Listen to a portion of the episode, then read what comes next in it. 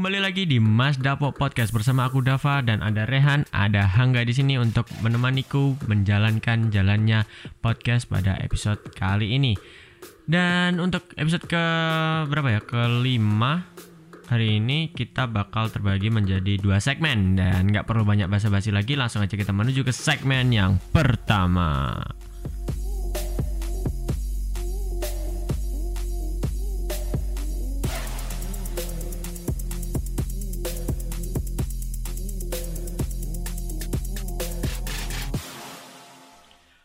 Oke, dan kita sudah sampai di segmen yang pertama, segmen awal tentunya dan di segmen ini kita bakal uh, membahas tentang Chinese Super League. Ya, bukan Indonesia Super League ya, tapi kita bahas Liga Cina dulu nih. Kenapa? Karena ada sesuatu yang menarik dari Liga Cina ini. Dan untuk mengawali pembai, uh, pembicaraan kita tentang China Super League, apa sih yang menarik menurut kalian dari China Super League sehingga kita mau membahas Liga Cina ini? Nah, mungkin dari Hangga atau Rehan silakan jawab. Hmm, kalau menurut saya sih Liga Super Cina itu uh, liga terbaik di Asia ya. Karena uh, dari klub-klub yang saya, saya ketahui uh, bahwa klubnya itu ya punya sahamnya juga besar dan termasuk dalam hitungan klub kaya. Ya pernah ada beberapa klub yang sudah berani mendatangkan pemain Eropa sekelas ya. Nanti aja dibahas banyak sekali pemain Eropa yang sudah didatangkan di Liga Super Eropa eh Liga Super Eropa dan di Liga Super Cina maksud saya. Jadi menurut saya sih Liga Super Cina itu termasuk liga terbaik se Asia sih. Ya kalau menurut saya sih Liga Super Cina itu ya kurang lebih sama lah sama yang dikatakan sama Hangga. Dan biasa banyak pemain-pemain Eropa itu yang uh, apa ya yang ya pemain-pemain yang performanya sudah mulai menurun di Liga Eropa itu pindah ke Liga Cina ini untuk uh, biar bisa tetap bermain ya itulah kayak kayak Liga Amerika gitu MLS dia bisa jadi sarana untuk pemain-pemain tua yang sudah uh, gak kuat lagi untuk bermain di Liga Eropa. Oke, itu sedikit penjelasan dan tanggapan mereka terhadap China apa China Super League. Dan kalau menurut aku pribadi menurut aku pribadi sebenarnya kalau pemain-pemain tua yang gabung di China Super League itu sebenarnya itu rezeki nomplok buat mereka karena uh, klub-klub Cina itu nggak nanggung-nanggung buat bayar mereka. Contohnya aja uh, ada Jonathan Ferry ya yang masih tampil di Guoan yang sekarang peringkat pertama di China Super League. Pastinya pemain-pemain top Eropa yang bergabung di apa? di China Super League mereka akan tergiur akan uang yang disodorkan nih. Dan itulah yang memancing kalau menurut aku pemain-pemain Eropa mau bergabung di uh, China Super League. Dan kalau kita cari-cari di berita sebenarnya banyak banget pemain top-top Eropa ya yang akhir-akhir ini bergabung di China Super League. Uh, contohnya si siapa? Untuk uh, transfer yang lagi panas-panasnya yang barusan saja terjadi di Liga Cina sih uh, ada transfer dari pemain West Ham United namanya Arnautovic, pemain Aust pemain dari Austria sekarang ya masih berusia 30 tahun sih.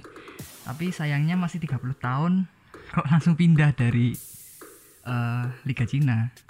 Ya mungkin karena apa? Karena uh, gaji yang menggiurkan ya mungkin Arnautovic mau pindah dan klausul pelepasan dari Arnautovic mencapai 22,4 juta pounds dan itu sekitar kalau nggak salah sih 369 miliar sih dari uh, untuk West Ham sih setahu saya sih itu aja sih. Oke dan baru-baru ini juga uh, ada berita resmi bahwa Shanghai Shenhua telah menebus Stepan El Sharawi dengan mahar 16 juta euro. 16 juta euro untuk AS Roma.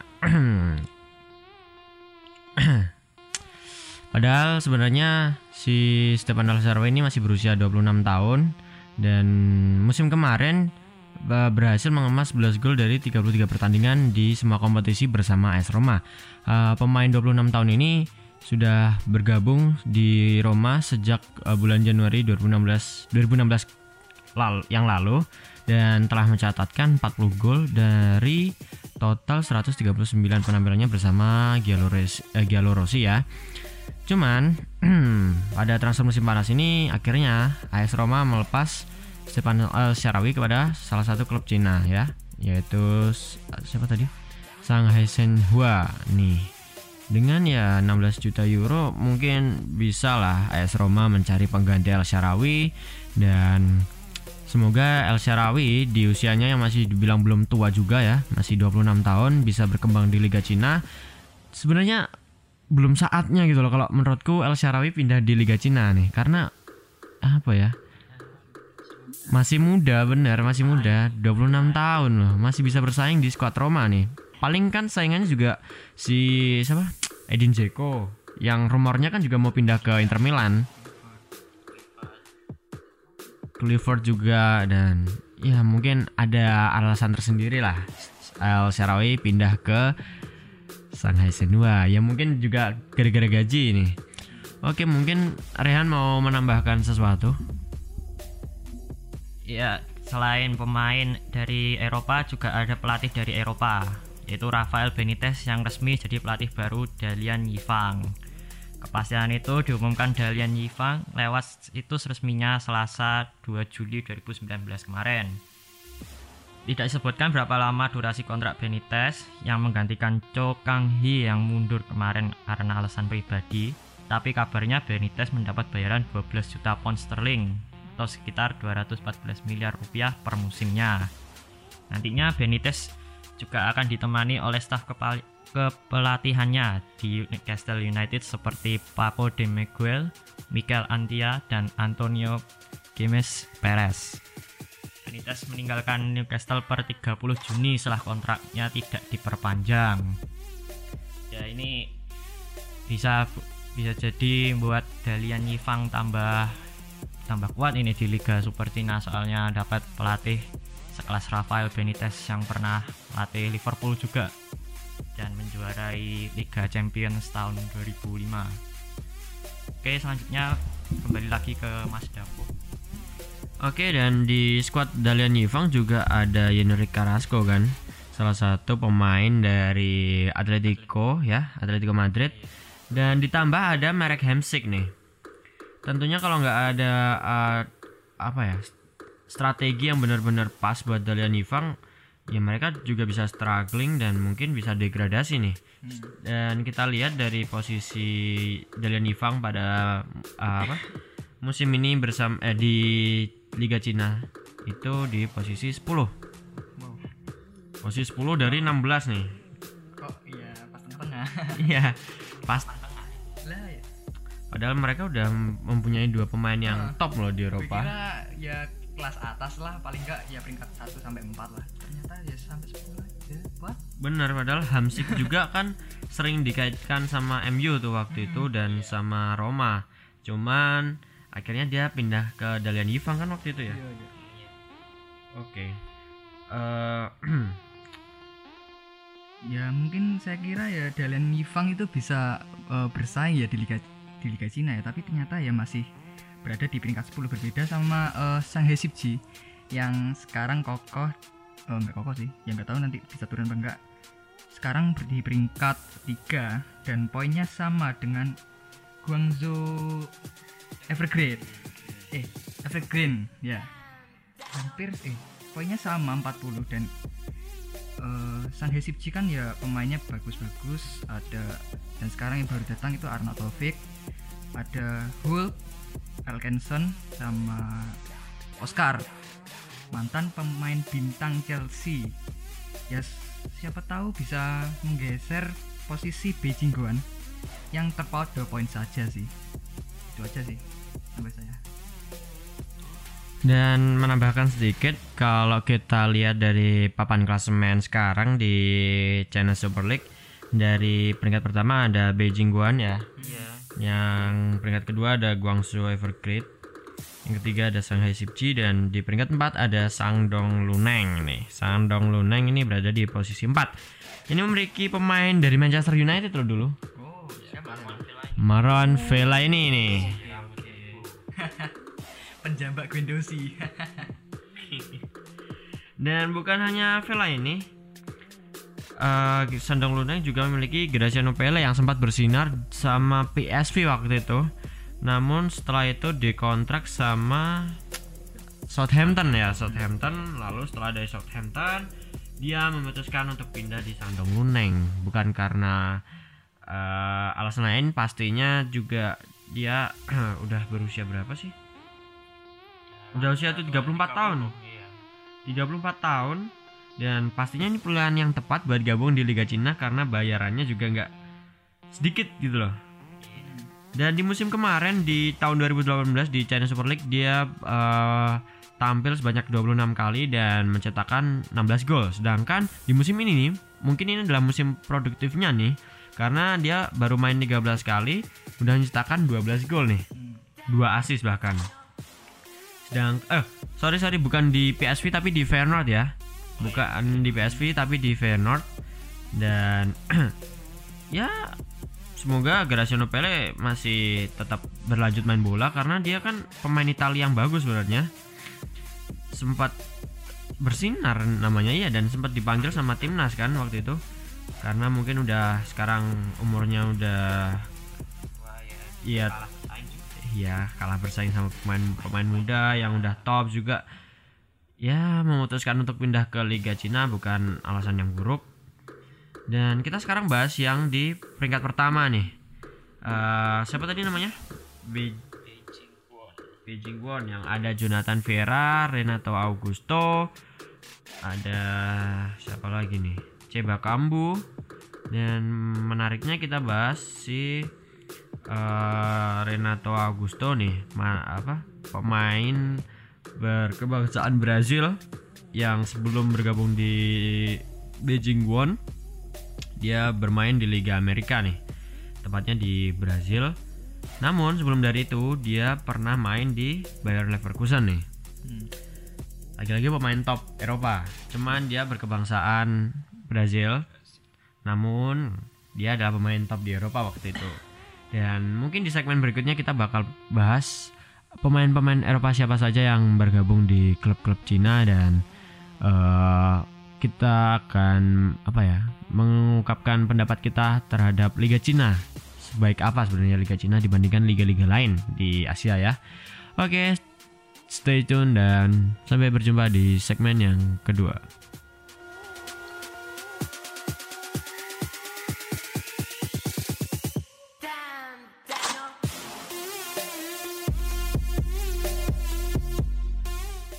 Oke, di segmen kedua kali ini kita bakal bahas eh, pemain-pemain top Eropa yang udah lama menetap di Liga Super Cina. Ya. Oke, mungkin nggak perlu banyak basa-basi lagi, dimulai dari Hangga ya. Hangga mau bahas tentang eh mau membahas siapa? Carrasco ya. Oke, silakan Hangga dipersilakan. Ya, Yani Carrasco didatangkan oleh Dalian Yifang pada transfer musim dingin tahun 2018 dan semenjak tahun 2018 bermain Yani Carrasco bermain untuk Dalian Yifang sebanyak 25 kali dengan mencetak 7 gol dan 5 assist. Untuk sementara tahun 2019 eh, Yani Carrasco bermain 12 kali untuk Dalian Yifang dan mengemas 9 gol dan 4 assist. Namun kabarnya Dalian Yifang siap melepas Carrasco sih. Soalnya nggak tahu. Katanya Carrasco apa eh, nggak betah dengan di di Liga Cina dan ingin kembali di Eropa. Dan eh, katanya ya rumornya rumornya sih gitu rumornya. Dan katanya sih siap kembali di Liga Eropa dan siap bersaing sih bersaing lagi di Liga Eropa. Karena ya di usianya sih masih muda 25 tahun. Dan mungkin belum saatnya sih untuk pindah untuk bermain di Liga Cina karena masih 25 tahun dan itu masih muda sih. Dan belum melewati puncak karirnya karirnya ada deh karirnya yang eh, biasanya puncak karir itu di usia 29 sampai 30 tahun sih. Dan itu mungkin keputusan tepat buat Carrasco pindah karena dia masih muda dan ingin memperbaiki kelasnya sih. Ya mungkin itu aja sih dari gua. Ya mungkin ada tambahan Rehan? Monggo Oke, yang kedua ada pemain nama Gival Givanildo Vieira de Souza atau biasa yang dipanggil Hulk. Ya, pemain dari Brasil yang berumur 32 tahun ini dulu pernah bermain untuk Porto dan Zenit Saint Petersburg. Dan kemudian di tahun 2016 ini dia dibeli oleh Shanghai SIPG Deng- eh, dan sekarang sudah mengemas 18 gol dari 31 pertandingan. Ya sebelumnya sih eh, Hulk ini sebelum pindah ke dari Porto ke Zenit itu sudah mengejutkan publik ya. Terus tambah lagi berita tentang dia yang pindah secara mendadak tahun 2016 ke Shanghai. Ya tapi eh, Hulk ini bisa dibilang striker yang masih gacor ya. Soalnya dari 8 bela- eh, dari ya, dari 31 pertandingan sudah mengemas 18 gol. Pada hitungan umurnya ini sudah mencapai angka 30 loh.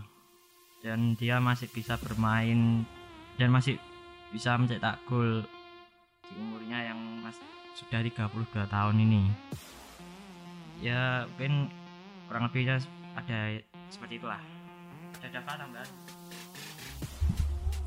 Oke, dan dari aku akan membahas pemain yang memiliki nama lengkap Oscar dos Santos Emboaba Junior. Oke, pemain berkebangsaan Brazil yang biasa kita eh, panggil Oscar nih.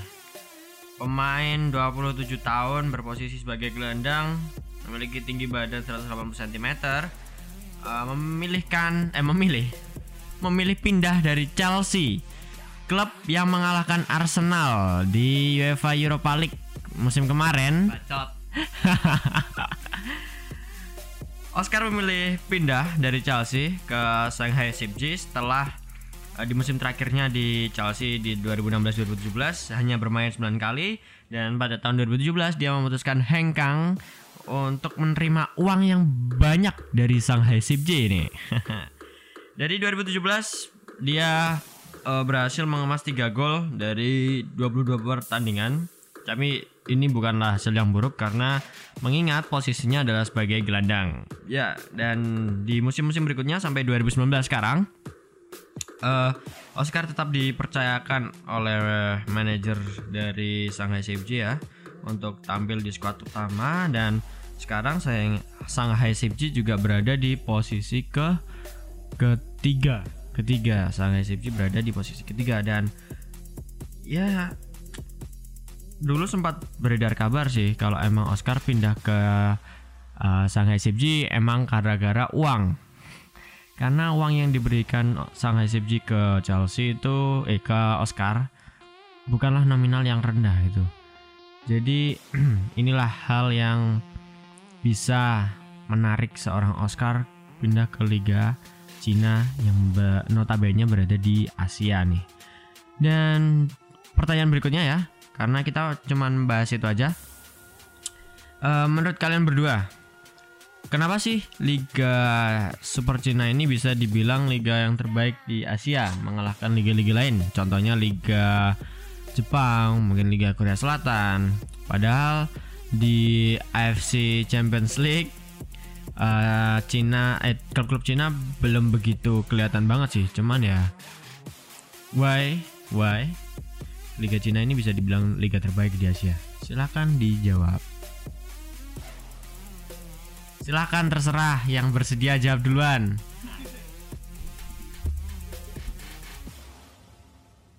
Ya kalau menurutku sih yang menjadikan Liga Cina ini jadi jadi liga yang lebih yang paling baik di Asia itu karena kemampuan finansialnya juga ya.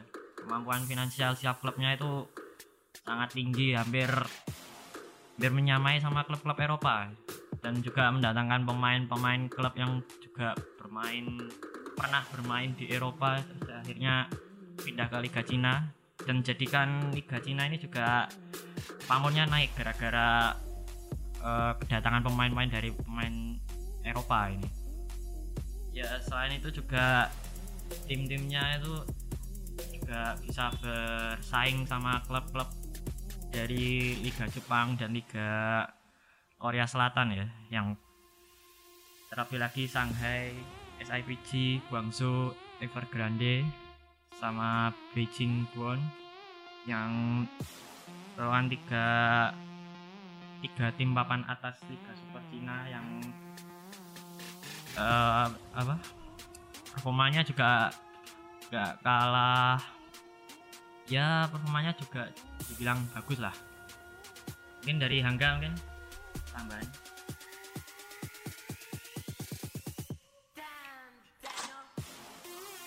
Kalau dari saya sendiri sih hampir sama sih sama Rehan karena tiga super Cina itu tiga terbaik di Asia karena ya finansial sih finansial dari klub ya kan Yang tentunya nggak kayak Arsenal ya, yang Ya. cuman memberi Unai Emery 40 juta pound sterling nih.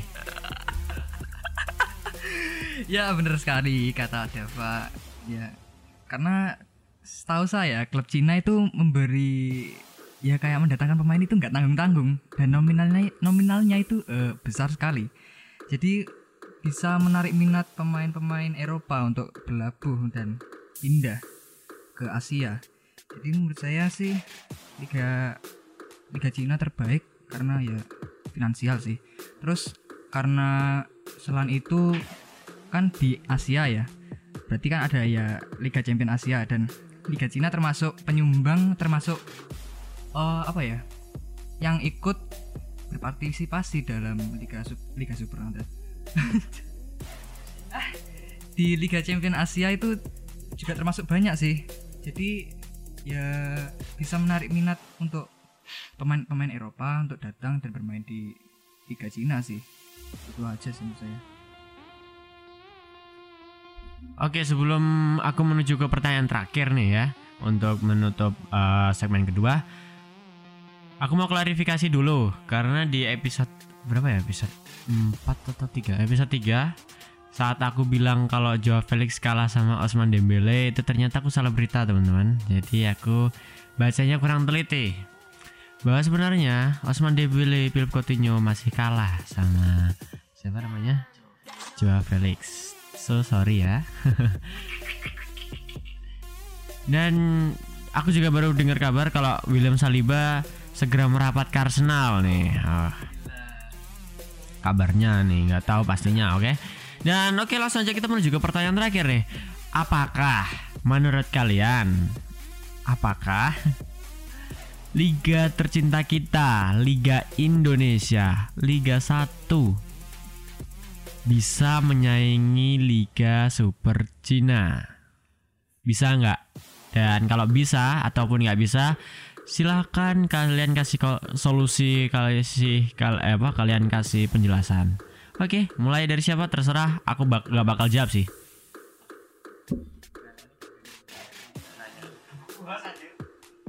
Tidak bisa. Anda harus jawab. Anda memberi pertanyaan, Anda juga harus jawab. Ditanya apakah Liga Liga satu di Indonesia ini bisa nyaingi Liga Super Cina sih kemungkinan sih masih belum bisa sih ya.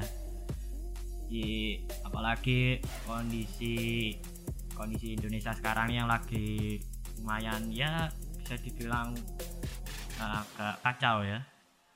Tambah lagi eh, pemilik pemilik saham di klub Liga Indonesia ini masih kalah kalah kaya gitu dari apa, klub-klub dari Liga Cina ini. Jadi kemungkinan dan tambah lagi kepopuleran Liga Liga Indonesia ini juga masih kurang gitu. Kalah pamor dari ada Liga Super Cina. Untuk mendatang- untuk mendatangkan pemain dari luar Eropa aja ya masih belum sanggup. Jadi ya eh, mungkin masih eh, dibilang sih ya lama ya untuk Liga Indonesia ini buat bisanya ini Liga Cina. Ya itu sih menurut saya sih. Menurut Hangga sendiri gimana nih Kalau menurut saya sih bisa tapi lama kelihatannya. Ya gimana ya? Yang mungkin finansial sih masih kurang. Ya kita melihat aja dari transfer dari Borneo FC dia datangkan eh, Julian Fau- Faubert sama kan ada itu? Asian pindah ke Persib itu. Oh iya. kita melihat dari situ aja sih. Kan ya itu kan termasuk pemain mantan pemain top di Eropa sih. Dan itu bisa menjadi motivasi klub-klub lain untuk mendatangkan pemain Eropa lainnya. Tetapi ya untuk urusan finansial sih masih kurang sih menurut saya. Dan mungkin banyak sih nggak tahu tahun berapa mungkin bisa menyaingi sepak bola di Cina atau Jepang itu aja sih bisa um, eh, menyaingi klub-klub dari Liga Eropa mungkin oh tentu aja sih bisa bisa bisa bisa ya mungkin bisa Ya. ada uang ya Iya, ada uang dan butuh waktu yang cukup lama menurut saya sih. Gini, kalau menurutku ya, eh, finansial klub di Indonesia itu ya emang bisa dibilang kurang tinggi dan nggak banyak-banyak banget. Cuman Arsenal tetap kalah gitu loh. Wah! Oh, oke oke oke, gue terima. Iya transfer 40 juta pounds buat apa itu This is prank bro, Stan Kroenke, this is prank. Santai ini prank kok guys, ini cuma prank. Buat fans Arsenal tunggu aja nanti dapat uang kok, tenang aja. Jangan terlalu mengharap lebih, datengin aja Herman Zumafo ya Arsenal. Datengin Herman Zumafo. Sama Oka John, back dari Kalteng Putra tuh datengin tuh Arsenal ya. Biar gantiin Mustafa nih. Oh Mustafa ya, nanti saya datangan eh, Gonzales aja sih, striker subur di Indonesia. Oke, terima kasih ya Rehan, terima kasih ya Angga untuk uh, bisa hadir di podcast Mas Dapo ini. Angga terutama udah datang kedua kali karena dia minta-minta buat datang lagi. saya dimarahin telat, Iya. telat dimarahi. Aduh gimana ini? Oke, terima kasih dan mungkin kita menuju ke segmen berikutnya.